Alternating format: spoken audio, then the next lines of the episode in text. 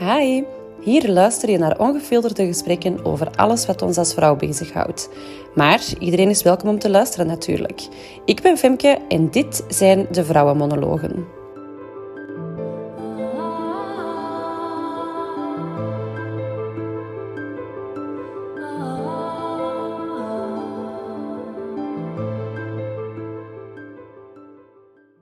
Ik zit hier met Geraldine en met Melissa. En wij gaan spreken vandaag over topics die nog altijd eh, redelijk taboe zijn. Burnout enerzijds, waar wel al nu toch een beetje over geweten is en dat eigenlijk heel veel voorkomt. En dan bore-out, waar nog ehm, eigenlijk heel weinig over gesproken wordt. Geraldine, jij hebt een burn-out gehad. Ehm, ik ga eerst vragen, stelt u zelf kort voor en dan moet jij vertellen wat er precies is gebeurd. Hallo, ja, ik ben uh, Geraldine, Geraldine Huibrechts. Ik begeleid soulpreneurs, bezielde ondernemers, om zich uh, online helder te profileren, om zo hun zichtbaarheid te vergroten en hun ideale klant aan te trekken. Zie mij eigenlijk als een vertaler-tolk die uw innerlijke boodschap eigenlijk helder uh, in de wereld gaat neerzetten. En ja, ik heb twaalf jaar geleden de diagnose gehad van een heel zware burn-out, mijn lichte depressie. Dat was toen echt nog helemaal taboe, geen literatuur over te vinden. Dus uh, ja, ik ben heel dankbaar dat ik hier mag zijn ja. om mijn verhaal te delen. welkom, welkom. Geraldine, um, je zegt twaalf jaar geleden, er was ook nog helemaal of bijna niks over te vinden. Hoe is dat dan eigenlijk gediagnosticeerd geweest bij jou? Ja, eigenlijk was ik het jaar voordien al naar uh, twee dokters geweest die mij uh, slaappillen en melatonine voorschreven. Ze ja. zeiden van, oh je bent moe, maar je moet gaan sporten, je moet bewegen, je moet lopen, je moet praten met je baas ook. En toch voel ik van, ja, ik was chronisch ziek. Ik uh, ja. continu chronisch verkouden. Tot een vriendin zei van, ga naar je huisarts. Want ik woonde toen in die tijd in Gent. Ja. En gelukkig had mijn huisarts een opleiding gevolgd bij een psychologe, therapeut over uh, burn-out. Ja. En dan heeft zij een vragenlijst uh, voorgelegd rond burn-out. Uh, allemaal zo van die fysieke klachten dat ik moest aanduiden, ja. mentale aandoeningen of symptomen. Als ook dan die depressietest. Ja, en welke klachten had je zoal? Oh, dat is een hele, hele, een hele lijst. lijst. Ja, gaande van haarverlies tot geen eetlust meer, spierpijn, hoofdpijn. Um, ja, ik was dan ook helemaal niet meer geïnteresseerd in het leven. Niet gemotiveerd. Slaapstoornissen tot en met. Ja. Ik kan niet slapen, niet kunnen doorslapen. Dus ja, je sleept je jezelf uh, gewoon voort in het leven. Ja. Zonder zingeving en ja, met heel veel zinloosheid ook. Ja. ja, ik herken mezelf ook wel een beetje in. Ik heb um, een bore-out gehad. Dat is wel nooit echt naar de voorgrond gekomen, omdat denk ik dokters, hè, dus Melissa gaat dat ook wel gehad hebben, die weten daar eigenlijk helemaal niks over. Um, en ik kreeg dan onmiddellijk, eigenlijk hier is eh, antidepressiva 1, antidepressiva 2, hier is voor mij een angststoornis, want dat was dan eigenlijk een soort van angststoornis dat zij um, als diagnose hadden gesteld. Um, hier krijg je eh, alprazolam, dus Xanax, uh, ook voor te slapen, hier is dat nog. Want heel veel van die zaken dat jij nu zegt, had ik ook. Um, ik denk alleen natuurlijk het verschil tussen burn-out en bore-out, daar is een fijne lijn um, tussen wat het is. Want hoe wist jij van, oké, okay, het is zeker burn-out en niet... Ja, burn-out, burn gaat zeker niet geweten zijn, maar hoe, hoe wist je dat? Ja, geen grenzen kunnen trekken. Ja. Het is eigenlijk een combinatie van verschillende factoren. Zowel, sowieso persoonlijke factoren, zoals uh, perfectionisme, ja. geen nee kunnen zeggen, geen grenzen kunnen trekken, please-gedrag. Maar daarnaast ook nog eens ja, een, een baas die uw talent niet inziet. Um, ik werkte keihard ja. om promotie te maken en dat werd niet gezien. Dat werd echt niet gezien door mijn baas. En daarnaast ook ja, dat presteren, um, echt onder druk werken. Um, ja, dat was ook een landschapskantoor. Dus heel veel ruis. Ja, en dan absoluut. ben ik ook te weten gekomen dat ik inderdaad uh, ook als hoogsensitief gelabeld kan worden. Ik hou niet van labels, maar uh, ja, ik pik gewoon heel veel uh, prikkels op. Ja, same. Yes. kan ik mij helemaal in vinden, ja. Ik denk dat we hier alle drie... Ook sensitief, jawel. Ja, ja, voilà, exact. Ja. Een open landschap heb ik daar ook altijd in gewerkt. En ik vind dat verschrikkelijk om in te werken. Ja. Ehm, ik merk zelf nu... Uh, ik heb ook een tijdje in de coworking gezeten. En ik zonderde mij daar heel vaak af omdat ik kan, dat, ik kan gewoon niet met heel veel mensen op de achtergrond ook werken. En sommige mensen bestempelen mij een beetje als asociaal. Ik doe dat soms ook zelf, maar ik werk heel goed helemaal alleen. Ja, ja. herkenbaar. ik, ik ben het meest productief als ik helemaal alleen Ja. ben. Ja. Oké, ehm, Melissa, bore-out, vertel eens. Ja. Eén, wie ben jij en wat doe jij? En dan even kort de bore-out een beetje toelichten hoe of wat. Want mensen, mensen kennen het bijna niet. Nee, hè? inderdaad. Ehm, ik zal beginnen met even over mezelf te vertellen. Ik ben eh, Melissa. Ik ben het gezicht achter Melts Antwerp. Ehm, dat is mijn zaak, dat is mijn eigen kaarsenlabel, waar dat ik dus zelf kaarsen giet. Ehm, en al mijn producten zijn ook op plantaardige basis. Dus ik maak gebruik van sojawas. Ook mijn eh geurolieën zijn allemaal cruelty-free, vegan-friendly, van de hoogste kwaliteit dat je kan vinden. Mogen zelfs in cosmetica gebruikt worden zelfs. Ehm, dat doe ik in bijberoep. Eh, momenteel heb ik sinds anderhalve maand mijn superjob in hoofdberoep ook gevonden als eventplanner eh, voor de KDG Hogeschool in Antwerpen. Maar er is ook wel een heel verhaal aan vooraf gegaan. Dus eh, zoals hè, gezegd, ik ben met een bore-out geconfronteerd geweest in 2019. Nadat ik eigenlijk op dat moment acht jaar in de bijzondere jeugdzorg werkte. Ik eh, werkte in een voorziening in Schoten. Ik deed daar de, de administratie, het financiële stukje, dus eigenlijk ja, een beetje het papierwerk van de voorziening. En ik ben daar begonnen, eigenlijk heel tof, heel plezant, leuke job. Zeker goed te combineren met mijn kindjes, die op dat moment nog klein waren. En eh, ik zat daar leuk, ik zat daar goed. Maar gedurende die acht jaar is er eigenlijk van alles veranderd. Andere bazen, andere wetten. Ja. En ehm, ja, ik merkte ook gewoon gedurende die acht jaar, ja, je interesses veranderen. De kinderen worden groter, je wilt terug wat meer doen. En anderzijds werd die job uitgerold. Dus op het einde zat ik daar eigenlijk enkel en alleen nog maar voor de telefoon op te nemen. Ja. En ja, hoewel ik ook verschillende keren al had aangegeven van... Ik wil wat meer doen, ik wil iets anders doen. Ik heb meer in mijn mars dan dit. Mijn kinderen zijn nu wat groter, nu heb ik meer tijd, nu heb ik meer ruimte om terug wat meer aan mezelf te denken op, op werkvlak. Ehm, kunnen jullie daar mij in tegemoet komen? En die vraag is ook niet gehoord. Integendeel, um, dat werd precies nog meer en meer afgeknopt. Dus ja, ik zat daar echt elke dag op mijn bureau met het idee van ik ben hier gewoon mijn broek aan het verslijten. Ja. Ik zit hier te niksen, terwijl ik thuis nog een was heb staan, een strijk heb staan. Ik zou dit kunnen doen, ik zou dat kunnen doen. Zoveel dingen gingen door mijn hoofd. En het kwam zelfs zo ver dat als ik 's morgens naar het werk reed, dat ik dacht van, als ik nu tegen deze boom zou rijden met mijn auto, hoe lang zou ik thuis zijn?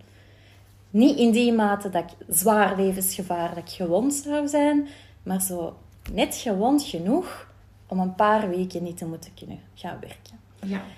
En ja, dat zijn eigenlijk wel heel gekke gedachten, heel zware gedachten als je daar achteraf op terugdenkt. Maar op dat moment was ik zo verricht. En het probleem was ook, ja, je begint dat thuis uit te werken. Hè? Je wordt superkort van stof. Mijn man kon niks goed doen. Ik was altijd kwaad op de kinderen. Bij minstens als die iets deden, was dat hop, een hele tirade. Ehm, en ja, tot, tot een dag, begin juni 2019, de exacte datum weet ik niet meer, maar ik stond echt gewoon in het deurgat met mijn autosleutel en ik kon de drempel niet meer over. Ik kon niet meer naar buiten. Dat was het, punt gedaan, licht uit.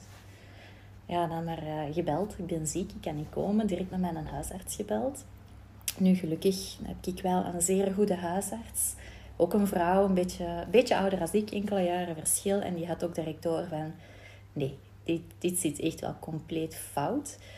Ehm, gelukkig had ik wel het geluk dat ik mijn bijberoep had. Ik was op dat ogenblik ook bezig met mijn eerste eigen evenement te organiseren. En dat heeft mij nog zo op de rand doen balanceren. Ik ben er niet te zwaar over gevallen. Ik ben niet depressief geworden.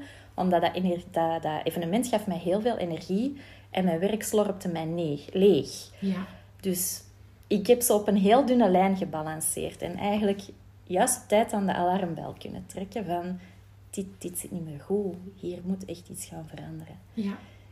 Chance, want Ja. bij jou was het wel erger, hè? Goh, je kunt dat moeilijk vergelijken. Ja, van, eh, vergelijken misschien niet, maar omdat jij zei van, ik heb echt een heel zware burn-out gehad, dus dan gaat het misschien wel over, eh, wat zij zegt van, ik heb gebalanceerd op die lijn, dat het bij jou er wel... Ik zat er Over, zwaar over. ja. Ja. Ja, En ik zat ook wel al... Ook met zelfmoordgedachten of heel donkere gedachten. Dus ik zat in een heel diepe put. Maar ik had het niet door, omdat ik toen ook al single was. Ja. Dus als je niemand rondom jou hebt die, die zegt van pas op of eh zou je toch niet naar een dokter gaan, dan ja, je, redt het, je tracht het zelf te redden. Ja, Inderdaad. dat ken ik. We proberen altijd alles zelf op te lossen, hè? Ja, ja, in plaats van te durven vragen. En dan is dat ook eh, vaak vluchten. Hè. Ja. Gaan vluchten door eh, uit te gaan en, en, en te drinken. eh. elke vrijdagavond ging ik rechtstreeks van... Dus ik werkte toen in Brussel, ik woonde in Gent. Ik nam de trein terug naar huis. Ik ging ontbijt naar mijn stamcafé waar mijn andere vrienden zaten. En ik vloog gewoon in de bubbels. Ja, dat ken ik ook. Echt, Ja. ja. uitkijken naar het weekend, want dat was het weekend. Eigenlijk de lusteloosheid en alles wegdrinken. En dan op Ja, en zondag dan, zo die ja. zondagse anxiety krijgen s'avonds van, ah, ik moet morgen gaan werken. Ja, Zo dat, ik zag daar verschrikkelijk tegenop. Van weer een week waar ik mij door moet slepen. Weer een week waar dat ik voor een groot stuk met mijn vingers zit te draaien en me verveel. En, en ik ben dan wel, ik ben, ik ben een keer van job veranderd omdat ik had gehoopt van dat je... In het begin was het ook wel, hè, want in het begin is het een- is iets nieuw en allee, toch een beetje nieuw, een andere omgeving. Maar toch weer terug in datzelfde stramien vallen en zo... Je- Ja, je begint zo precies nog minder je best te doen, omdat je gewoon helemaal geen uitdaging hebt. Of langs de andere kant bij een burn-out is dat dan vaak hè, juist keihard je best doen, omdat dat, dat dan ook niet opgemerkt wordt. Het, is zo een, het komt op veel vlakken heel hard overeen met elkaar. Ehm, maar een burn-out ja, wordt altijd nog geassocieerd met eh, te veel werken hè, en te hard. En, Ja, en- te veel over grenzen heen gaan. Ehm, dat perfectionistisch Ja. gedrag ook. Maar op den duur maakte ik ook wel fouten. ja, En dan zo van, shit, ik heb het niet gezien. Oh my god. Ja. van juist er te hard op te zitten en zo het, de perfectie Maar te... ook niet meer gemotiveerd zijn. Ja, ja. Ja, klopt. Ja. Ja. Ik had ook hetzelfde. Hè. Fouten beginnen maken omdat je, geen, Nee, je motivatie Nee. hebt. Ja. Mhm. En dan Zo. schiet je nog harder in stress, want je hebt een fout gemaakt en je komt in zo'n visieuze cirkel Ja. terecht. Hè. Zo lak hebben aan alles. Ja. Ah, voort. Ja, voert. Ja. Ja, je zit er dan van, goh, ik zit mij hier toch te vervelen. Ja, dat beetje dat ik dan moet doen, oh, dat kan dan ook wel blijven liggen. ja. Oh, ik doe dat Zo. morgen wel. Of ja, ja, ik heb tijd, ik doe dat morgen wel. En dan doe, doe je dat eigenlijk allemaal zo maar halfse gat, om zo te Ja, zeggen. Van, ja. ja. ja, zeg, het, het kon mij ook gewoon niks meer schelen. Mhm. Ja. Of dat ik daar nu zat of niet. Of dat dat nu gedaan werd of niet. Voort, ik had er gewoon geen zin meer in. Natuurlijk, dat is ook een vicieuze cirkel. Je krijgt geen uitdaging. Dat wat je dan moet doen, ja, dat is dan zo een vreselijke routinejob. Dat heb ik ook wel geleerd achteraf. Door bij een loopbaancoach terecht te komen. Dat routinewerk absoluut niks voor mij Nee, is. Celine. Ah, gelukkig. Daar, daar ben ik echt al heel hard in geleerd. Dus zo elke dag opnieuw datzelfde lijstje moeten afwerken. Elke dag opnieuw diezelfde tabelletjes moeten invullen. Diezelfde statistiekjes moeten trekken. Ah, ja, dat had ik zo gehad. En, en het kon mij gewoon echt niet meer schelen. Dus eh, Ja, ik ken het helemaal. En dat is een heel verschrikkelijk gevoel, hè, want je wilt daar eigenlijk niet meer naar buiten komen, dat je dat hebt van oei. Ja, klopt. Ja, want een bore-out is dan, ik verveel mij en een burn-out is van, ik kan het, heel veel mensen denken van, oh, je kunt het niet meer aan. ja. Ehm, of zo die aanname zat er ook. Ik, ik las dat er straks iemand dat zei van, of je bent te jong, of ja, ik ben ook moe. Ja. Want dat wordt dan geassocieerd met, ja, je bent moe. Ja, ja en een burn-out heb ik helemaal zoiets, dat wordt sociaal niet aanvaard. Als je zegt, ik heb een burn-out, hebben mensen zoiets van, oei, garme soms. Van, oh, maar je hebt je echt letterlijk ziek gewerkt. Oh, Ja. maar, hè, je hebt wel hard gewerkt. Tegenover als je moet zeggen van, ik ben ziek geworden van verveling. Hoe kan dat? Allee, Je mensen... hebt niet hard genoeg je Ja, allee, hoe kan dat nu dat je ziek wordt van verveling? Allee, ja, dan, dan zoekt u toch een andere job. Ja, zo gemakkelijk is dat dan ook weer niet. Want dat is dan het rare wat zo in je hoofd speelt van... Ik zat op dat ogenblik echt in een gouden kooi. Ja, ja Ik had een job die heel goed te combineren was als jonge mama. met jonge kinderen, de 50%. Ik had veel verlof, omdat ik in de sociale sector werkte. Dat was wel oké betaald. Oké, dat is geen goudpot, maar goed. En je zat echt zo in een gouden kooi. Enerzijds had ik zoiets ja, ik wil hier weg, ik wil iets anders doen. En dan, aan de andere kant was dat stemmetje dat zei van, ja, maar het is eigenlijk wel super gemakkelijk zo. Hè? Je zit hier goed, je komt hier gewoon acht, acht uur op een dag niks doen en je gaat naar huis en, en daar is de rest van je leven. En zoals dat je zegt, zo dat weekend, dan zet je wel goed gezind en dan zet je wel blij. En oké, ik vlog nu niet in de bubbels, want ik heb drie kinderen waar ik op moet letten. uh, dus uitgaan zit er niet in, maar ja, in het weekend was ik wel happy. Of in mijn vrije dagen was ik wel happy. En als ik verlof had, dan was ik ook happy. En dan zo die laatste dagen kwamen zo die donkere wolken terug van... Oh nee, ik moet terug gaan werken. Oh, ik moet daar weer naartoe. En ik moet daar weer zo lang gaan zitten. En ik moet mij daar weer gaan liggen vervelen. En, ja, ik ken het helemaal. Ja, ik had, ik had ook exact hetzelfde. En het grappige is dat je dat op dat moment gewoon niet door hebt. Het is pas mhm. achteraf ja. Ja, het is, ja, dat je dat inziet van... Oh, waar zat ik mentaal? Come on. Ik was, ik was 35 op dat moment. Dus ik moest moet nog meer dan 30 jaar werken. En pas dan komt dat besef van, oh, waar ben ik eigenlijk in godsnaam mee bezig?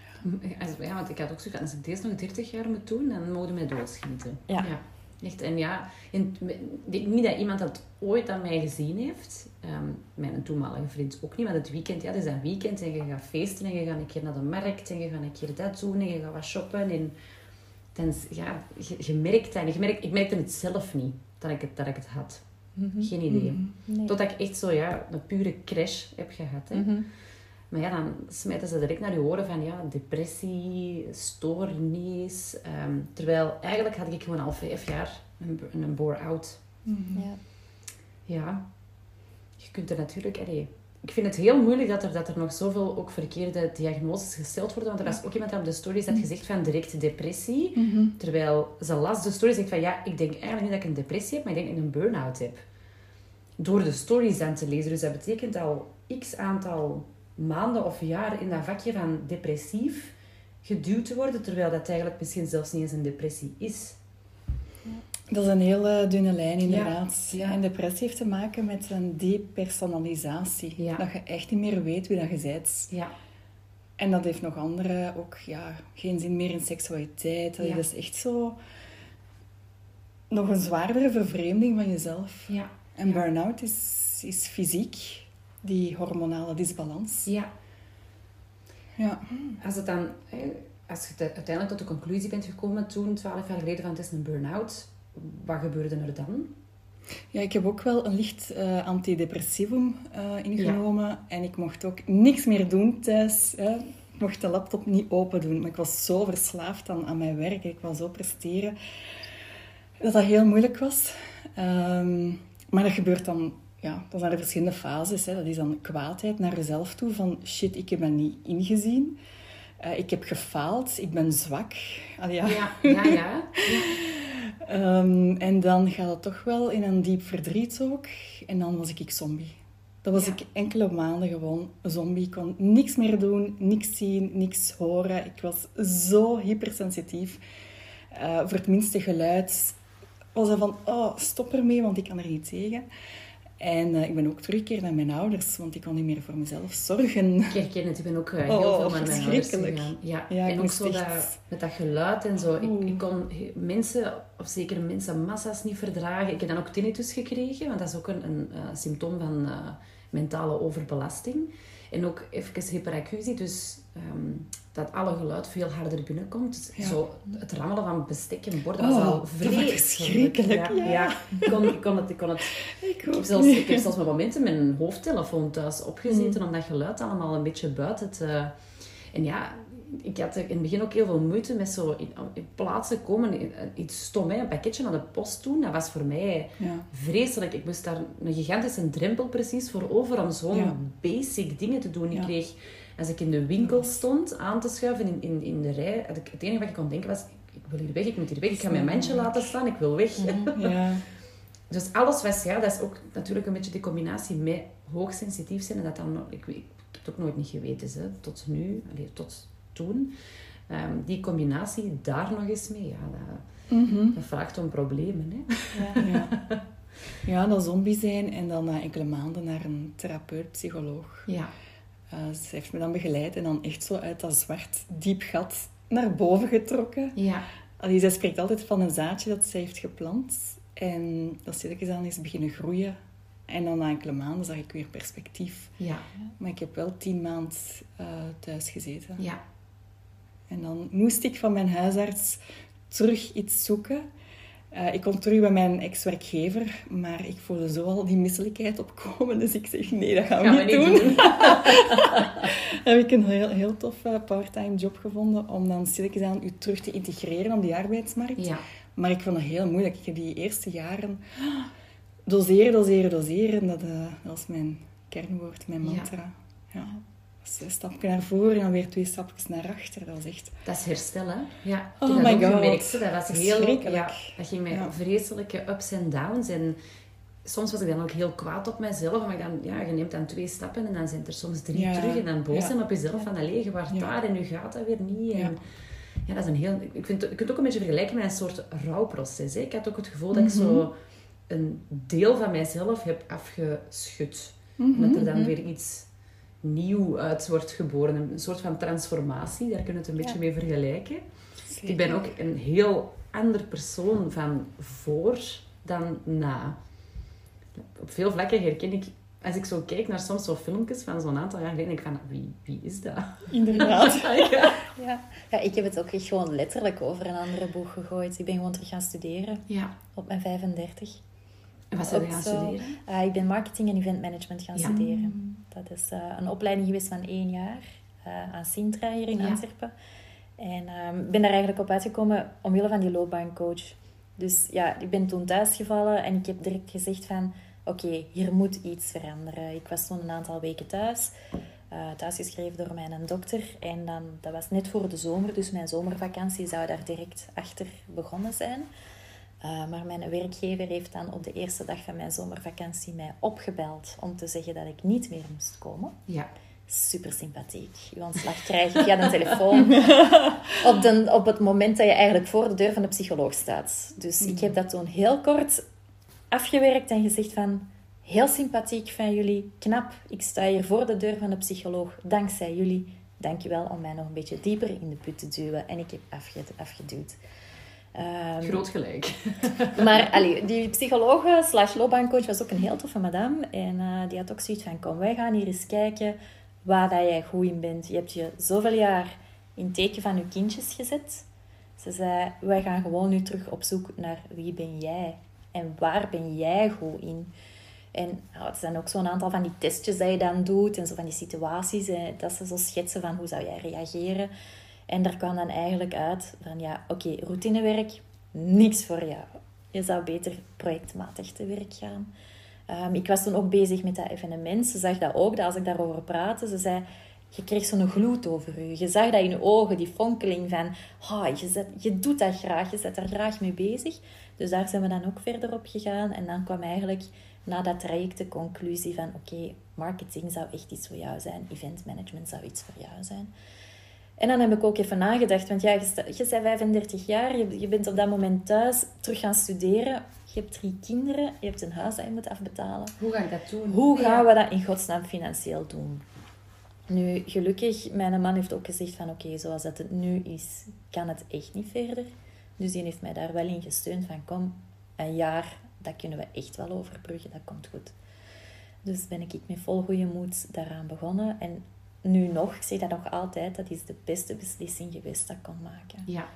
Dat jaar was een super tof jaar. Ik was wel de mama van de klas met mijn 35 en al mijn 20-jarige klasgenoten.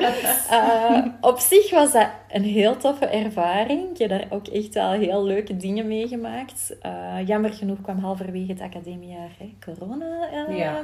roet in het eten gooien. Maar ja, kom, ik heb dat jaar wel afgemaakt met grootste onderscheiding. Dus daar ben ik ook wel heel fier op. En dan heb ik zo nog een paar maanden aan het zoeken geweest. Van waar gaan we naartoe? Uiteraard krijg je dan VDAB wel, hè? die zo Ja, aan ja. de bel komen Ja. trekken. Van, ehm, ja, je moet toch wel stilletjes aan terug gaan werken. En Ik heb toen eigenlijk ook het geluk gehad van ook een, een goede dossierbeheerster te hebben. Waarbij dat ik ook dat verhaal heb kunnen doen van kijk, dit heb ik meegemaakt en hier wil ik niet opnieuw terug naartoe. Ik wil echt wel tijd nemen om iets te zoeken waarvan dat ik mij terug goed bij voel. Dat ik terug goed in mijn vel zit op de job die ik doe. Daar had hij wel gelukkig ook wel het nodige begrip voor. En ja, ook door corona natuurlijk is alles ook zo wat vertraagd op de arbeidsmarkt. Dus heb ik ook wel iets meer tijd gehad. En sinds januari ben ik dan eigenlijk bij Karel de Grote Hogeschool oh, terechtgekomen. Eerst nog wel even in een andere functie. Mm. Maar nu ben ik dan intern toch in die evenementenfunctie terechtgekomen. En ja, ik vind het echt super, super leuk om te doen. Dus uh, ja, ik ben toch wel blij dat ik die touwtjes toch wel in eigen handen heb genomen. Dat ik ook het geluk heb gehad van die, die loopbaancoach die echt onmiddellijk door had van waar dat ik stond en wat dat er in mij zat, welk potentieel dat er in mij zat. En heeft mij eigenlijk maar een heel klein duwje moeten geven om dat terug te herontdekken. Want ik wist dat eigenlijk wel, maar door heel die situatie met die bore-out was ook dat afgestompt geraakt. En zij heeft gewoon even terug dat vuurtje aan, aan mhm. dat lontje gestoken. Ja, om, om terug dat, dat te vinden. En is dat ik dan ook met die opleiding bezig was, alle, alles viel zo terug op zijn plaats. Van, ja, mhm. dit is wat ik graag doe en dit is waar ik goed in ben. Ja, want dat is ook wel iets dat heel veel terugkomt, merk ik zelf ook als vraag. Hè. Ehm, mensen die, er waren ook wel veel die bang hadden om een burn-out te hebben of in een bore-out terecht te komen of al hebben gehad. En dan komt de vraag altijd van, ik weet dat ik dit niet meer wil doen, maar wat wil ik dan wel doen? Mm. Mhm. En wat, wat, wat voor tip kun je eigenlijk geven als mensen in die fase zitten van, ik weet dat ik niet meer terug wil naar waar ik vandaan kom, maar ik weet ook helemaal niet wat ik eigenlijk wel wil doen?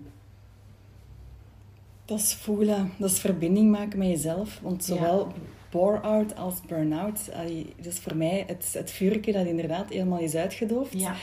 En uh, omdat je helemaal verwijderd bent van jezelf, je, je zit niet meer in je lichaam, ja. je kent jezelf niet meer. Dus het is echt om ja, leren die verbinding terug te maken met jezelf. En dat is ja, leren luisteren in stilte. Ja, en hoe doe je dat? Ik vind dat zelf ook nog altijd iets moeilijk. Ik heb dat toen wel, want ik ben maanden aan een stuk alleen gaan wandelen. Mhm. Echt dagen dat ik 10 kilometer mhm. deed. Om ook effectief met mijn gedachten te zitten. In een angststoornis, als het dat al was, is dat ook niet gemakkelijk. Hè? Want je krijgt de hele tijd zo intrusive thoughts. En oh, ik wil deze niet denken. En... Ja. Maar ik heb mij, vanaf het punt dat het eigenlijk wat beter is gegaan, is vanaf het punt dat ik um, mijzelf uh, het toeliet.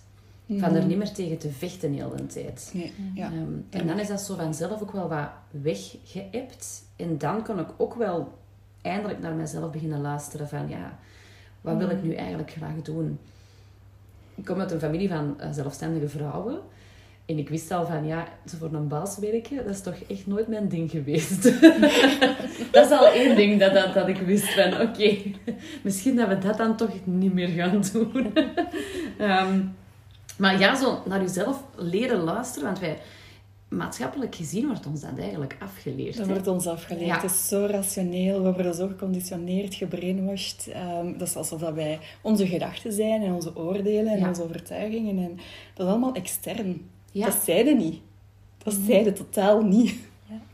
Je zet dat innerlijk vuur. Ja. En als je inderdaad weer die connectie maken met dat innerlijk vuur, waar krijg je energie van?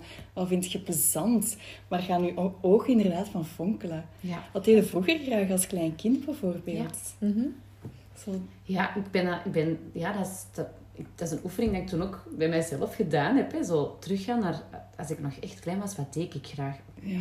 Zo toneeltjes in elkaar steken, um, zo choreografie, zo dansjes doen. Ik ben heel met muziek bezig. Oh, toen ben ik Lezen. Ja. Lezen, ja. Alles, alles met zo'n creatie en, en andere mensen oppippen. En ik weet dat ik heel graag zo uh, leerkracht, allee, zo school speelde en zo al die dingen. En ik van ja, dan, dat is echt iets waar ik, ik moet daar iets mee gaan doen. Ehm, ja, ik heb de webshop dan open gedaan. Um, nu ga ik hem allez, laten overnemen. Ik ben een, een overnemster aan het zoeken, want het is totaal een uitverkoop dit weekend. Mm omdat, ik, ik, was gisteren op een netwerkevent en iemand zei dat daar toen ook nog. Heel veel mensen zijn mij gaan volgen voor het feit dat ik zo heel ja, inspirational talks gaf en zo mindset. En eigenlijk die kleding was zo voor heel veel mensen bijzaak. Mhm. En ik merk ook dat ik daar mijn energie uit haal, Mhm. maar dat die webshop eigenlijk van kleding ook bijzaak is. dus ik denk van ja, dat Zalig. gaat niet, anders ga ik er weer een bore-out krijgen Ja. als ik dit blijf Nee, dat is ook de bedoeling. Maar dat is een heel, heel goede oefening. Hè? Zo teruggaan naar wat, maar ja, wat deed je graag als kind? En wij, wij, wij zijn zo geconditioneerd dat we dat zelfs bijna vergeten wat dat wij Mhm, graag ja. deden als kind. Klopt. Ja. Ja, ik heb eigenlijk die zomertijd genomen. Hè, want ik ben dan in juni uitgevallen. Dus ik heb zo die, die laatste drie weken dat mijn kinderen nog op school zaten, ook zoals je zegt, heel va- vaak gewoon alleen gezeten op mezelf en nadenken. En gewoon eerst terug, terug tot mezelf gekomen. Ehm, wij zijn dan ook op vakantie gegaan. En eigenlijk, dat was een geweldige vakantie. Ik kreeg dan zo'n bericht van HR, van, van het bedrijf waar ik toen werkte. Ja, ja, we vinden het, hè, we hopen toch dat je toch nog van je vakantie kan genieten. Ik had zoiets, hell ja! Echt! er is zoveel van mijn schouders afgevallen door dat ene telefoontje. Oké, ik ben er kwaad om geweest. En ja, ik heb daar een traan voor gelaten. Gewoon, je wordt ontslagen. En dat is zo'n klets in je gezicht. Je wordt ontslagen. Dus oké, ik ben daar al wenend bij die psycholoog binnengekomen. Oh, ze hebben mij net ontslagen. Dus ja, die had ook zoiets van... Oei, doe maar even. Laat alles gewoon even los. Maar om eerlijk te zijn, twee dagen daarna had ik echt zoiets van... Het is goed. Ze hebben de keuze voor mij gemaakt. Ik moet er al niet meer mee inzitten. Er viel zoveel gewicht van mijn schouders af. Wij zijn op vakantie vertrokken. Het was een superleuke vakantie. Ik heb daar ook echt genoten van, van de zon. En, en, en ik had mijn boeken bij. En gewoon rust. De kinderen speelden. Ik werd ook terug de mama die ik, die ik altijd wil zijn. En Ja. altijd wel ben geweest. Op, op uitzondering van die periode na. En je merkte dat ook gewoon aan iedereen. Van, er viel zo een rust over ons alle vijf eigenlijk. En, Ik kan me er ja. helemaal in vinden. Ja. Ja. Ik weet nog, als ik ben ook ontslagen geweest, omdat ik ging dan, wat dat eigenlijk niet goed was, ik had dat niet mogen doen, op en af werken. Van, oh, ik ga het weer proberen en dan weer thuis geschreven. En dan, oh nee, maar ik ga het nog eens proberen. En ik zo een, een stuk of vier keer. En dan is mij ook ontslagen. En wat dat jij zegt, zo, die, ik, kwam, ik kwam buiten en dat was zo... Oh. Ja, Wel ja. ik ben ontslagen, maar zo met een dikke smile op mijn gezicht. ik heb zo instant een massage geboekt die een dag nog. En ik denk zo... Ah. Zalig. Ja. Dat was een zaligheid. En ik dacht, oh... Want langs de ene kant heb ik van... Oh, ik mag mij zo niet voelen. Ik zou mij zo niet mogen voelen. Ik zou Mhm. verdrietig moeten zijn. Ja. En ik was helemaal... Ik was, ik was ik happy. ja, ik ook dan, wel, zo, eigenlijk zo, maatschappelijk gezien mag dat niet, maar ik was wel heel happy dat ik ontslagen was. Echt Ja. zo, oh, instant peace of mind. Ik kan daar zo een beetje mee vergelijken. Ja, inderdaad. Bij mij was dat ook heel snel zo... Die eerste shock moest, wel even, moest ik wel even door. Maar daarna was dat ook heel snel zo van... Oké, het is goed. Ik kan verder.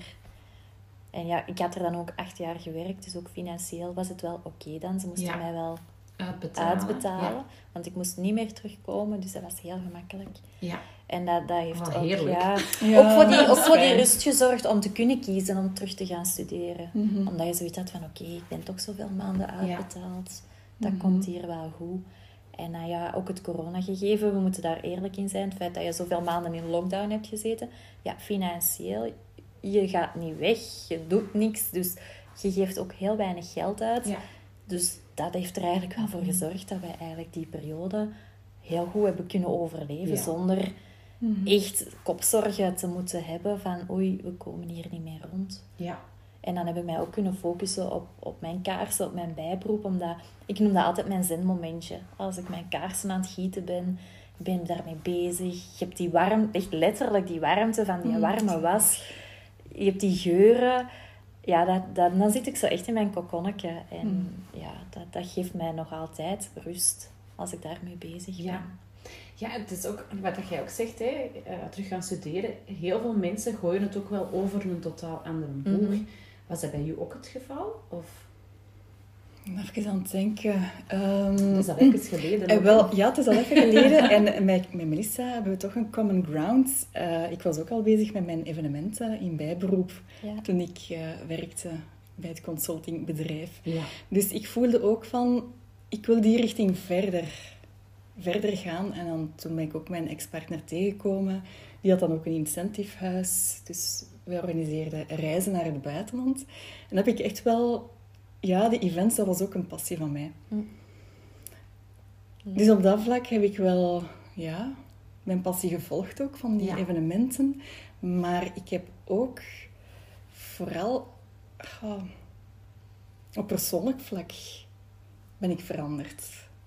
Ben ik Ja. veel meer gaan voelen. Ja. En ik voelde ook, want die eerste zes jaar na die diagnose voel ik mij heel ehm, zwak en oh, burn-out. Ik ga er niet over spreken, niemand mag dat weten. Ik ga ervoor stoppen, want dat is niet goed. Ja, taboe, hè? Dat is Ja, taboe, ja. ja. ja. zelfs voor Libelle een keer zo'n testimonial gedaan van, oh, dat moet anoniem, een andere naam.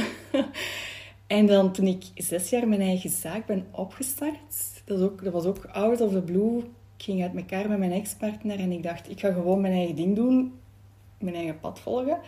Nu, ehm, twaalf jaar geleden, toen ik een keer terugfietste van, van een dokter naar huis, zag ik opeens ook zo'n beeld van, oh Geraldine, je gaat op een dag gewoon je eigen zaak opstarten, je gaat je eigen baas zijn en je gaat gewoon je eigen ding doen en je gaat vrij zijn. Dat is zoiets dat je weet ergens, hè? Zo ja, opeens, zo, ja. ja. En dan uiteindelijk toch nog in een relatie terechtkomen, die evenementen. Ja, dat was ook geen eh, gezonde relatie, zal ik maar zeggen. En dan heb ik gezegd van, oké, ik start mijn eigen zaak.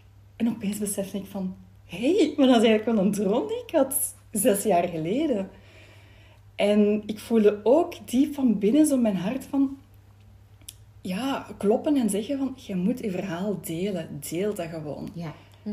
Dat burn-out, dat is geen einde, maar dat is juist het begin, dat is het startpunt van iets Exact. nieuws. Ja. Exact. Ja. Ja. Ja. En dan ben, ben ik dat beginnen delen over burn-out via Facebook. En dan ook, allee, dat is opgepikt geweest door uh, managermagazine. Ik kreeg daar zoveel reactie, positieve reactie op. Van eindelijk iemand die daar openlijk over durft te praten en, en te delen. En dan dacht ik van, ik ga gewoon mijn hart verder volgen. Ja. Die ingeving, ik ga daar naar luisteren en, en delen met de wereld. En ik voelde toen ook, ik heb hier iets te betekenen. Ja. Ja. En de erkenning dat je zo lang niet hebt gehad, hè, ik, ik had dat ook op, op mijn werk, die erkenning krijg je van jezelf. Ja, je moet het niet Je extern... moet het niet ergens gaan, gaan zoeken, het komt vanuit hier. Ja, voilà. Ja, ja. Heerlijk, hè? Ja. Ja, Ja, maar dat is zalig. Ja, ik ben eigenlijk op dat vlak ook wel veranderd. Hè. In die zin van... Ik heb het vorige week eigenlijk nog gezegd tegen mijn huidige baas. Van, wat ik nu heel tof vind, is... Ik ben niet meer onzichtbaar. Ja. Ik ben niet meer onzichtbaar. En dat vind ik eigenlijk wel heel fijn. Van, oké, ik, ik ben maar één pionneke in een heel groot schaakspel en, en één tandje in een heel groot radarwerk. Maar ik ben wel zichtbaar. Ik beteken iets in mijn job. En dat geeft mij eigenlijk heel veel voldoening. Ik ben ook heel erg veranderd in de zin van... Dat klinkt heel stom. In mobiliteit. Ik ging vroeger altijd met een auto werken. En dat was maar 6 of 7 kilometer. Ik stond altijd in de file. Nu werk ik 15 kilometer van huis. Ik ga altijd met de fiets. Dat is Door die weer en wind. Ja, uit die ratten stappen. Ja. Ik heb zelfs geen rijbewijs, ik doe alles te voet. Ja. Nee, ik heb, ik heb een goede fiets gekocht. Ook twee jaar geleden. Van oké, met die studie begonnen. Ik ga dat met de fiets doen. En dat is zo drie kwartier fietsen enkel. En dat is zo even mijn hoofd leegmaken. Ja, een momentje voor jezelf, hè? Een momentje Ja. voor mezelf. Ofwel maak ik mijn hoofd helemaal leeg, ofwel komen er supergoeie ideeën op mijn fiets. Ja. Ja, voilà. Als ik zo met, Ja. mijn, met mijn eindwerk ook, mijn, mijn marketingplan is eigenlijk geschreven op mijn fiets. Zalig. Het is eigenlijk zoals al Ja. drie kwartier onder de douche gaan staan. Ja, Kom bij bed. hij ook onder de douche. Ja, gisteren was dat wel vrij letterlijk in de regen. Oh of tijdens die stormwind van gisteren. Maar ja, daar merk ik ook in van de auto. Ik pak die nog maar zelden. Mijn autozak is quasi altijd stil voor de deur. Omdat ik, zo, zoals je zegt, van, die spanning in dat verkeer, ik, Dat kan hè? niet Ja. meer tegen. En met de fiets, je, je, je fietst overal tussen, je steekt iedereen voorbij. Je weet gewoon van punt A naar punt B, dat is drie kwartier. En dat is drie kwartier, Mhm. punt, klaar. Ik zou het daarmee, ik heb denk ik ergens bewust geen rijbewijs. Ik moet mij moeten, voor- denk ik, niet Ja. in het verkeer zetten. Ik word daar, ik, ik word zot. Ja. Ja. En er zijn ook zo bepaalde plaatsen waar dat ik eigenlijk helemaal niet graag kom, zoals de supermarkt. Ik word compleet zot in de supermarkt. Ik word daar bloednerveus. Ik ga altijd op heel rustige momenten. Ik deed dat ook bij de Ja. fitness. Ik ging dan zo om half twee 's middags als ik weet er is niemand. Ja. Ik hou van zo open spaces waar ik bijna Ja. helemaal alleen ben en Ja. ik zo mijn hoofd Ja. zo volledig oftewel kan leegmaken, oftewel dat er zo Mhm. goede dingen komen. Hè? Ja. Het enige dat ik in groep dan nog doe is yoga, maar ja, dat moet dan wel rustig zijn. Ja, Dus- voilà. Ja. Ik ben op dat, op dat vlak eigenlijk een, een heel raar iemand van... Zoals yoga bijvoorbeeld, dat zou ik dan weer niet kunnen doen, want dat is dan zo te rustig voor mij. Ja? Ja, ik ben dan, ja het gekke is... Je hebt ook niet rustig Ja, yoga. ik ben dan, ik ben dan zo de, de hoogsensitieve, maar ik ben anderzijds ook wel een heel extravert persoon. Dus ik heb wel een zekere buzz nodig. Ja, Ik kan ook heel goed alleen zitten. Ik kan daar echt van genieten om zo een dagje helemaal alleen thuis te zijn en rustig mijn ding te doen. Maar een dag is dan ook wel genoeg. maar ik, ik, kan, dat- ik kan dat dagen. doen. Ja, ik ook. Dus, eh, Ik ben, ik zo'n extravert en Ja. introvert. Ik kan extravert zijn wanneer dat, dat nodig is, maar Ja. ik ben eigenlijk wel introvert. Ja. Ja. Ik Ja, ben wel sociaal, asociaal. een, een extravert, Ja, extravert iemand. Dus uh, ja, Maar dat is ja. ook wel in die loopbaancoaching Ja. naar voren gekomen. Van, Mhm. ja, mij moet je niet in een bureau acht uur per dag tussen vier muurtjes zetten. Dan bloeit ik, bloei, ik bloei gewoon dood. Ja, dan Letterlijk. eet ik mijzelf ook wel op. Ze. Als ik dan, zoals hier, ja, deze is zo, hier is licht en space en ik heb mijn kaarsen aansteken, maar want zeker om in zo'n open landschap terug te gaan zitten met andere mensen, ja. ja. oh nee, ik ken het me niet. Mhm. Dat is kan bij mij nu zo voorstellen. 50-50. Ik werk hè, momenteel hybride. Dus 50% twee dagen per week ben ik op het kantoor, wat ook een gigantisch landschapskantoor is. Maar dan vind ik dat ook wel fijn om die contacten te hebben Ja. met iedereen. Ja. Je kunt een babbeltje doen, je, ze- je zet eens bij je collega's, dat is wel eens tof. En dan twee dagen van thuis uit, want ik werk eh 60%. Dus, eh, en dan thuis zit ik gewoon rustig alleen achter mijn laptopje en dat is voor mij ook goed. Dan heb jij die, die Ja, een ideale balans daarin. Ja. gevonden. Ja, Ja. dat is wel heel fijn. Ja, super. Ja. Geraldine, ehm, jij begeleidt hè, soulpreneurs. Kun je uitleggen wat dat zijn? Want ik denk dat heel veel mensen dat niet gaan weten. Mm, bezielde ondernemers. Ja, echt mensen die voelen, die diep van binnen voelen van ik heb hier iets te betekenen op Ja. de wereld. Je kunt het ook als lichtwerker of zo benoemen. Of, of gewoon dat je een missie hebt hier eh, in deze wereld. Ja. Maar niet goed weet van hoe pak ik dat aan. Die zich graag verstoppen. Ja. Ehm, maar ja, als, als je je verstopt, dan weten we niet van je bestaan af. Dus het Ja. is wel belangrijk om je op, een, ja, op jouw manier, op jouw authentieke manier te profileren. Ja. Want er zijn heel veel, ik zie rondom mij, heel veel startende ondernemers, heel veel jonge mensen die zeggen van, ik ga niet voor een baas werken, ik ga gewoon mijn eigen ding doen. En die weten heel goed ook hoe om te gaan met social media. Ja. Dus het is wel belangrijk dat je weet van, oké, wat is mijn uniciteit dat ik in de wereld kan, Ja. kan brengen. Er is heel veel Ja. hè. Als we op social media Yes. gaan kijken, ja, en ik word er soms... Nee. Ja, maar dat Het is mijn ook- werk voor een heel groot stuk, maar so- soms zou ik het echt gewoon eens twee weken compleet af willen zetten. En ik merkte dat heel hard. Ehm, zeker met de webshop. Het, het presteren op sociale media. Want als je niet continu babbelt en je laat niet continu alles zien en je toont niet, bij mij was dat dan kleding, al die kleren heel de tijd, dan gebeurt er qua sales ook heel weinig. En dat ik had het daar soms heel moeilijk mee, want ik had, er, ik had er ook heel vaak de energie niet voor om dat echt 24-7 aan een stuk te moeten doen. Ehm, er zit dan ook al zoveel ruis op. Ja, ik vind, ik vind dat heel moeilijk. Ik vind dat, daar een balans in vinden. Allee, ik snap dat mensen daar alleen al van in een burn-out terechtkomen. Ja, Mhm. Zeker. Dat dat echt heel... Dat, dat kan heel zwaar Ja, doorwegen. Ja, en het is ook weer externe validatie van een aantal likes en die comments. Ja. En, hey, we zijn verslaafd aan social media, dat, dat is gewoon zo. Ja. Dat is die technologie die, ons, die heel goed weet van hoe dat ze ons kunnen programmeren om continu te grijpen naar die eh, gsm. Ja, ja, exact. Maar het is inderdaad, ik, ik bekijk technologie als neutraal, neutrale energie. Ja, En je gaat daar met een positieve energie om. En ook met je intentie gaan werken. ja. Van oké, mijn boodschap gaat de juiste mensen eh, Bereiken. bereiken. Ja. ja.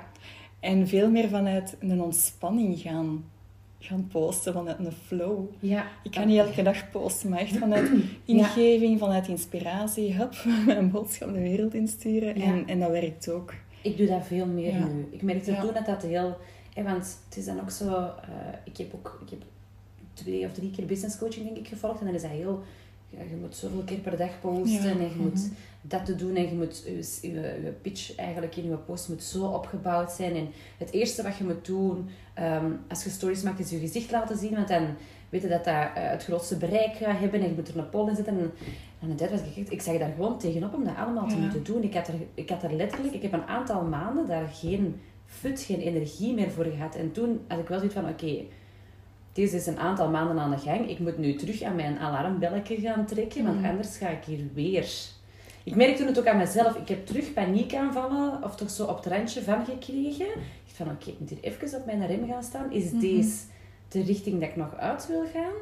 Of ga ik hier even een beetje terug een draai moeten maken? Anders ga ik... eh, Ja, maar je, je verliest je gemakkelijk via die social media. inderdaad. ja, Ja, en ook door dat, dat pusherige, eh, al die, al die frameworks en modellen. En oh my Ja. god, ik ben, Ja. ik ben er zo moe gezien. En ik heb ook zoiets van, Ja, nee, ik- this is not the way. Ik ontvolg mensen niet, maar ik mute heel vaak stories. Ah, ja. Ja.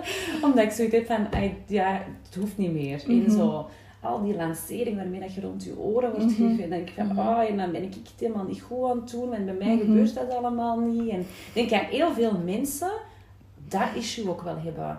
Ja. Ehm, dat is ook weer dat, ja, dat perfectionisme. En dan zeker als je, want je confronteert met hoe perfect dat iedereen, iedereen zijn onderneming en zijn leven en weet ik veel wel wel niet. En dan gaan we nog remote werken en we gaan nog deze en allee, zo. En dan, ja, ik voelde mijzelf zo wat naar de achtergrond verdwijnen van, amai, maar ik, ja, ik faal. ja, je vergelijkt jezelf Ja, met, met die anderen, maar je ziet hun achterkant natuurlijk niet. Hè? nee. Van welk team zit daarachter? En, en ja, misschien hebben die een partner die ook goed verdient. Ah, Ja. ja. Ja. Totdat je ook eens echt met die mensen gaat praten. Hè? En Ja. dan, dan Ja, hoor je ook. ook diezelfde verhalen van... Ja, ik heb vandaag ook niks verkocht. Mhm. Ondanks Ja. Inderdaad. Ja. de, de hele mooie social media campagnes of andere campagnes. Ik heb zelf ook al gehad dat ik dan zo gecontacteerd word van... Ja, eh, ik heb jouw eh, Instagram eens bekeken en ja, je hebt maar net geen 700 followers. Je kan dat dan optrekken tot 10.000 als je die en die en die strategie volgt. Waarop Oh, ik dan mensen ook... die dat daar in een DM sturen. Oh, Ah, vreselijk. Dat is één. En twee, wat dat die mensen doen. dan ja, niet weten, is dat ik eigenlijk ook het diploma social media consultant heb. Dus ik weet wel al die trucjes. Voilà. En dan Ja. antwoord ik gewoon van, ja, maar ik hoef er geen 10.000 te hebben. Ik heb er liever 700 die echt in mij en mijn product geïnteresseerd Ja. zijn, Mhm. dan 10.000 die mijn profiel nog niet bekijken. Mhm. Exact. Ja. Mhm. En dat is, ik, ik heb dat ook moeten leren, hè, want ik heb dat ook zo, dat vergelijk van, "Ah, die heeft zoveel volgers erbij op zo'n korte tijd en amai, die zal wel goed verkopen en oh, die heeft zo'n mooie campagne. Goh, als je dan bedenkt hoeveel centen dat daarachter zitten, ik wil daar ook die centen voor hebben. Maar nee, ik kan dat dan ook wel direct omdraaien en zeggen van, weet je, als, als ik dan centen heb om iets te doen, dan zou ik liever dat doen. Iets Mhm. helemaal anders. Iets dat waarde is voor mijn bedrijf.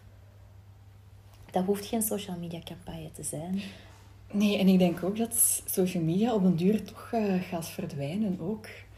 Ik denk dat wij andere skills moeten aanleren. Ja. Mensen die je willen vinden, die vinden nu. Ja, voilà. Ik, ik word dat goed Ja. nu. Oké, Ja. het is het einde van het jaar komt eraan. Dat zijn mijn, dat zijn mijn topdagen. Hè. Daar moet ik nu niet, Ja. niet over liegen. Ik heb kaarsen. In het najaar werkt dat beter. En, en je voelt gewoon dat, dat ik langs verschillende wegen gecontacteerd word. Zonder dat ik daar echt... Mhm. Oké, ik post dat wel eens. Mhm. Wil je graag een kaarsje? Stuur mij een berichtje, stuur mij een mailtje. Maar dat pusherige hoeft voor mij Dat ook hoeft echt niet. niet. Want nee. dat is ook te veel. En zoals je zegt, ik, ik verlies mezelf er dan in. En je wordt daar niet gelukkig van. Van altijd van, ik moet, ik moet, ik moet, ik moet. Want dat is ook hetgeen dat, ik- dat ik net heb afgeleerd. Ja, echt exact. Ja. Hè? Want dat is hetgeen. Wij komen van zo ver van juist niet meer te moeten. En dan als ondernemer worden zo weer helemaal Ja. geduwd naar alles wat je eigenlijk dan zou moeten. Inderdaad. En, dat dan is wel, het is heel belangrijk wel om jezelf er dan ook bewust van te worden van, oh, hier in deze, in deze in deze rat race, kan ik, hier ben ik ooit uitgestapt, hier kan ik niet meer Mhm. terug mee instappen. Ehm, maar ja, inderdaad, zo, sociale media, als dat zou verdwijnen, ja, dan, dan gaan we de gewone skills terug moeten aanleren. hè? Ja. Ja, voor mij is het allemaal ehm, energy work. Ja. We gaan terug eh, ons telepathisch vermogen eh, ontwikkelen.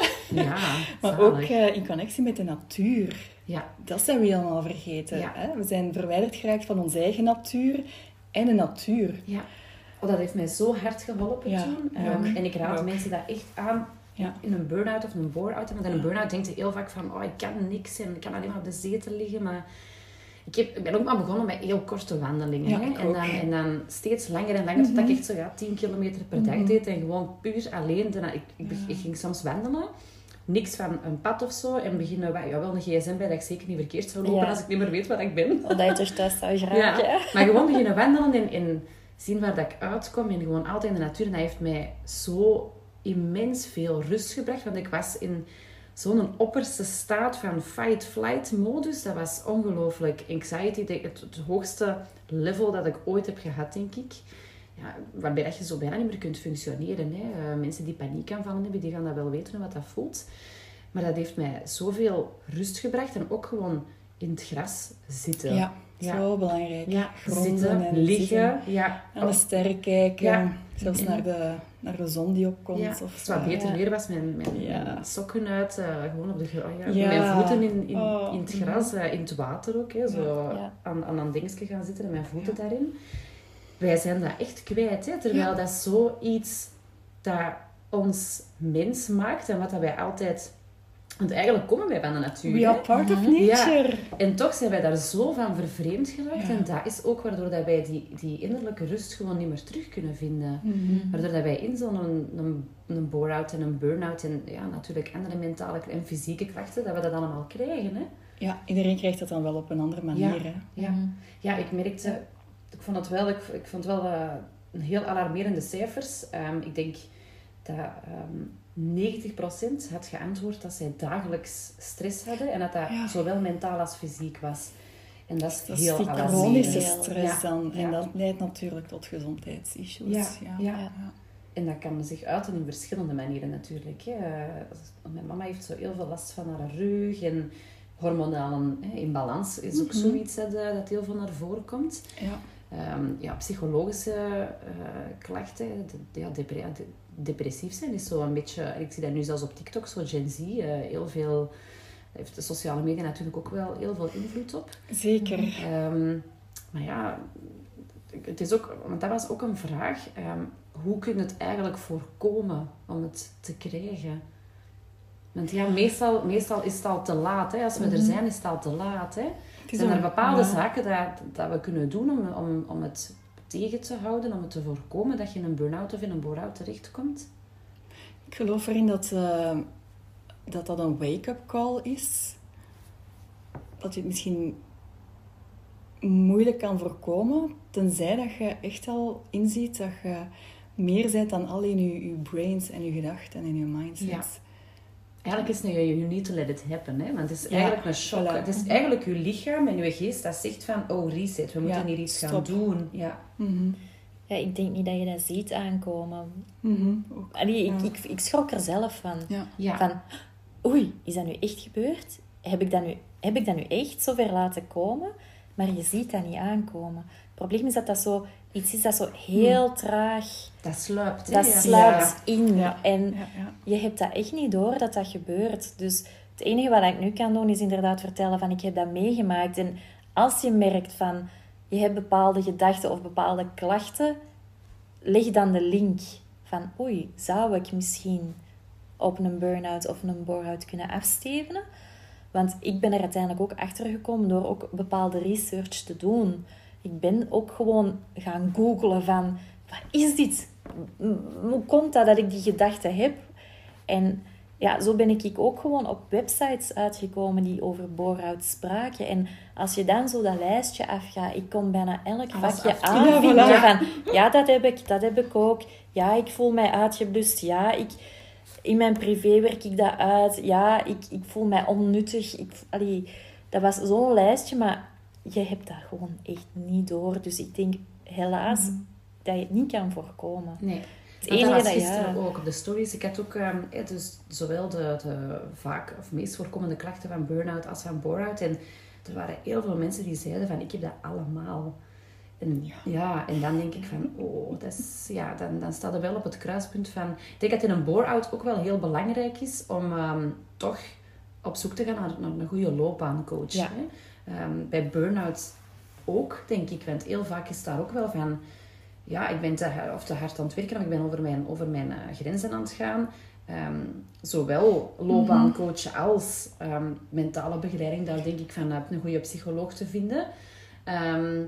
Maar ook wel een loopbaancoach, omdat heel veel mensen bij een burn-out ook wel zeggen van ja, ik, ik wil, ik wil iets doen, maar ik, wil, ik, weet, niet, ik weet niet wat ik wil doen en Ja. ik, wil, ik wil dit Ja. niet meer doen. En, Ja. ehm, ja, een goede coach Ja. of een therapeut. Maar ik ben ook naar een healer geweest. ja, Enkele jaren later. wat voor En soort healer? Eigenlijk een shamaan. Ja, En zij kon de link leggen van... Ja, dat het te maken had... Mijn rode draad was eigenlijk mijn please-gedrag. Omdat ik mij vroeger als klein kind niet graag gezien voelde door mijn vader. Dat was ja, de rode draad. ja, same. En als je dat volledig plaatje kunt zien, dan kun je al die linken leggen. Ja. Dan kun je al die puzzelstukjes samenleggen. Het komt heel vaak natuurlijk van ehm, jeugdtrauma. Hè, dat we hebben. Eh, ik heb dat bij mezelf ook Ja. heel, heel hard gemerkt. Ik ben ook in heel mijn proces moeten teruggaan van... Mhm. Hoe komt dat nu eigenlijk? En inderdaad, een rode, rode draad, vaderfiguur, dan stiefvaderfiguur, een beetje hetzelfde. Allee, heel veel ehm, mental eh, abuse en zo thuis ook. Hè. Dus een, ja, uit een dysfunctioneel gezin komen. En dan, ja, ik, ik- en ook dezelfde patronen altijd in mijn leven zien van, ah, ik doe dit elke keer. En Ja. niet weten waarom dat je dat doet. En dan uiteindelijk besef van, dat is waarom dat ik dat doe en dat is waarom dat ik zo denk. Ehm, en ja, je lichaam dat echt dan op een, een tijdje zegt van, ho, stop. Ehm, zolang dat jij deze niet binnen jezelf opgelost hebt, gaat dat patroon zich ook zelf altijd verder zetten overal. En mijn lichaam heeft echt, allee, en mijn brein heeft gewoon gezegd van, oké, stop, knop. We gaan hier even iets helemaal anders moeten doen, want deze kunnen we niet meer verder blijven doen. Ja, ik heb ook gewoon geleerd om, om meer aan mezelf te denken. Ja, Van, I don't give a fuck wat ze van mij denken. Niet meer. Ja. Echt niet. Ehm, ik doe wat ik mij goed bij voel. En als andere mensen het daar moeilijk mee hebben, sorry. spijtig. Dat is een probleem. Dat is een Ja, probleem, ja. ja, ik ben daar wel heel hard in gedraaid. Ik ben altijd wel een, een sterk karakter geweest. Al van kinds af aan. Ehm, mijn schoonmoeder, toen ik nog maar net samen was met mijn man, heeft zoiets gezegd van, je bent echt wel een harde, hè? Pittige, pittige Nee, gewoon echt hard. Hard voor anderen. En dat is ook inderdaad, zoals dat gezegd, van, van, van je jeugd uitgekomen. Ja. Ik kom ook uit een gescheiden gezin. Ja. Een heel moeilijke scheiding geweest tussen mijn ouders. Dus ik ben keihard geworden. Met kinderen te krijgen is dat ook wel terug wat Ja. verzacht.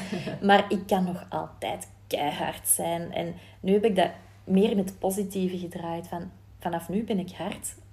Maar voor mezelf, voor op te komen voor mezelf. Ja. Assertief. Ja, nog assertiever dan ik vroeger. Vroeger was mijn assertiviteit misschien een soort afschrikmechanisme. Nu is het meer een verdedigingsmechanisme geworden. Van, nee, ik, ik bescherm mezelf nu in de goede manier.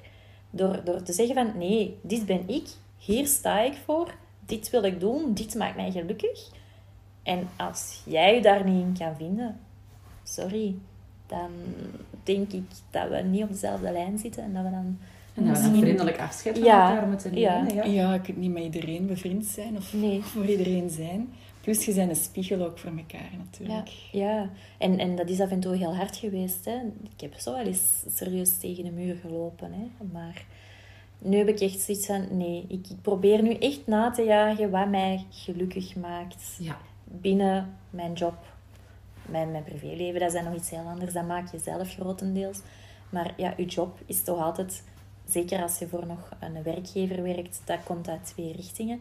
Maar ik voel dat nu ook van de vrijheid dat ik nu... Ik heb dat ook onmiddellijk aangegeven op mijn sollicitatiegesprek. Van, dat ze aan mij vroegen, wat heb jij nodig? Mijn antwoord was, vrijheid. Ik kan er niet tegen dat je op mijn vingers kijkt. Want als je op mijn vingers kijkt, dan...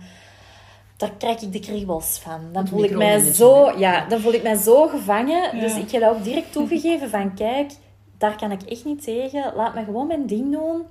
We kunnen regelmatig samen zitten om te kijken van hoe loopt alles, aan wat je wil. Maar laat mij gewoon mijn ding doen en je zal zien dat dat goed komt. En ik heb daar nu een hele goede baas in gevonden die dat, dat ook kan. Die dat ook kan loslaten. En vertrouwen ook. Ja, ja. Voilà, dat je... En dat is heel fijn als je dan zo nu eens elkaar tegenkomt. Oh zeg, amai, goed bezig hè jij? Het gaat goed hè? Dat is zo plezant, omdat je dan weet van... Oké, ze, ze geven mij dat vertrouwen, ik kan dat gewoon doen. En het komt tot een goede einde. En dat is iets waar ik eigenlijk lang naar heb gezocht, maar nu pas heb gevonden. Snap ik. Ja. Ja, begrijp ik volledig. Ehm, komen er bij u veel eh, mensen ook uit een burn-out als ze bij u komen? Als, eh, Mm, ja, burn-out, of toch op, soms zeggen ze op het randje van. Maar ik geloof eigenlijk, ofwel heb je iets ofwel niet. Ja. Dat ze zwanger zijn of niet. Maar zo, het randje van een zwangerschap. eh, Dat wordt moeilijk. oh ja. Zou daar ook zo'n testje voor bestaan? Zo. Een burn-out test. Met een staafje. ja, maar Positieve dingen. Ja. Twee streepjes, één Ja. maar vooral, ja, die, die, ehm, ik geloof niet in die labels van hoogsensitiviteit, maar vooral mensen die al in een bepaalde frequentie zitten. Ja. Die vibreren op een bepaald ja. niveau, hè? Ja. Ja, en die pikken gewoon veel meer op. Dat is gewoon zo, in een hogere frequentie. Je ziet veel meer, je hoort, eh, je voelt veel meer. Ja. Dus dat zijn, eh, ja, dat zijn mijn soul-klanten. Ja, Ja. dat zijn Ja. een ideale klant. Ja, ja, ja. Nee, super. Ehm, dames, ja, het is een uur, het is zo voorbij gevlogen. Hè? Ja. Super snel, echt. Ja, kei leuk. Ehm, Mhm. Ja, jullie hebben alle twee Instagram, hè, want dan kunnen ze jullie op Instagram volgen. Dat is Melts Melts Antwerp, Antwerp. met een Z. met een Z. Voilà, en Geraldine, dat is gewoon Geraldine Huibrechts, Ja, yes. voilà, oké. Ehm, dames, dank u wel om eh, tot Deurne te komen. Het was een super, super fijn en interessant gesprek. Ehm, ik denk zeker dat de volgers van de Fempower podcast er heel veel aan gaan hebben, omdat het zeker bij vrouwen ook nog, vind ik, wel een, eh, een groot taboe is. Hè. Zowel burn-out is al ietsje meer uit de schaduw aan het komen, bore-out...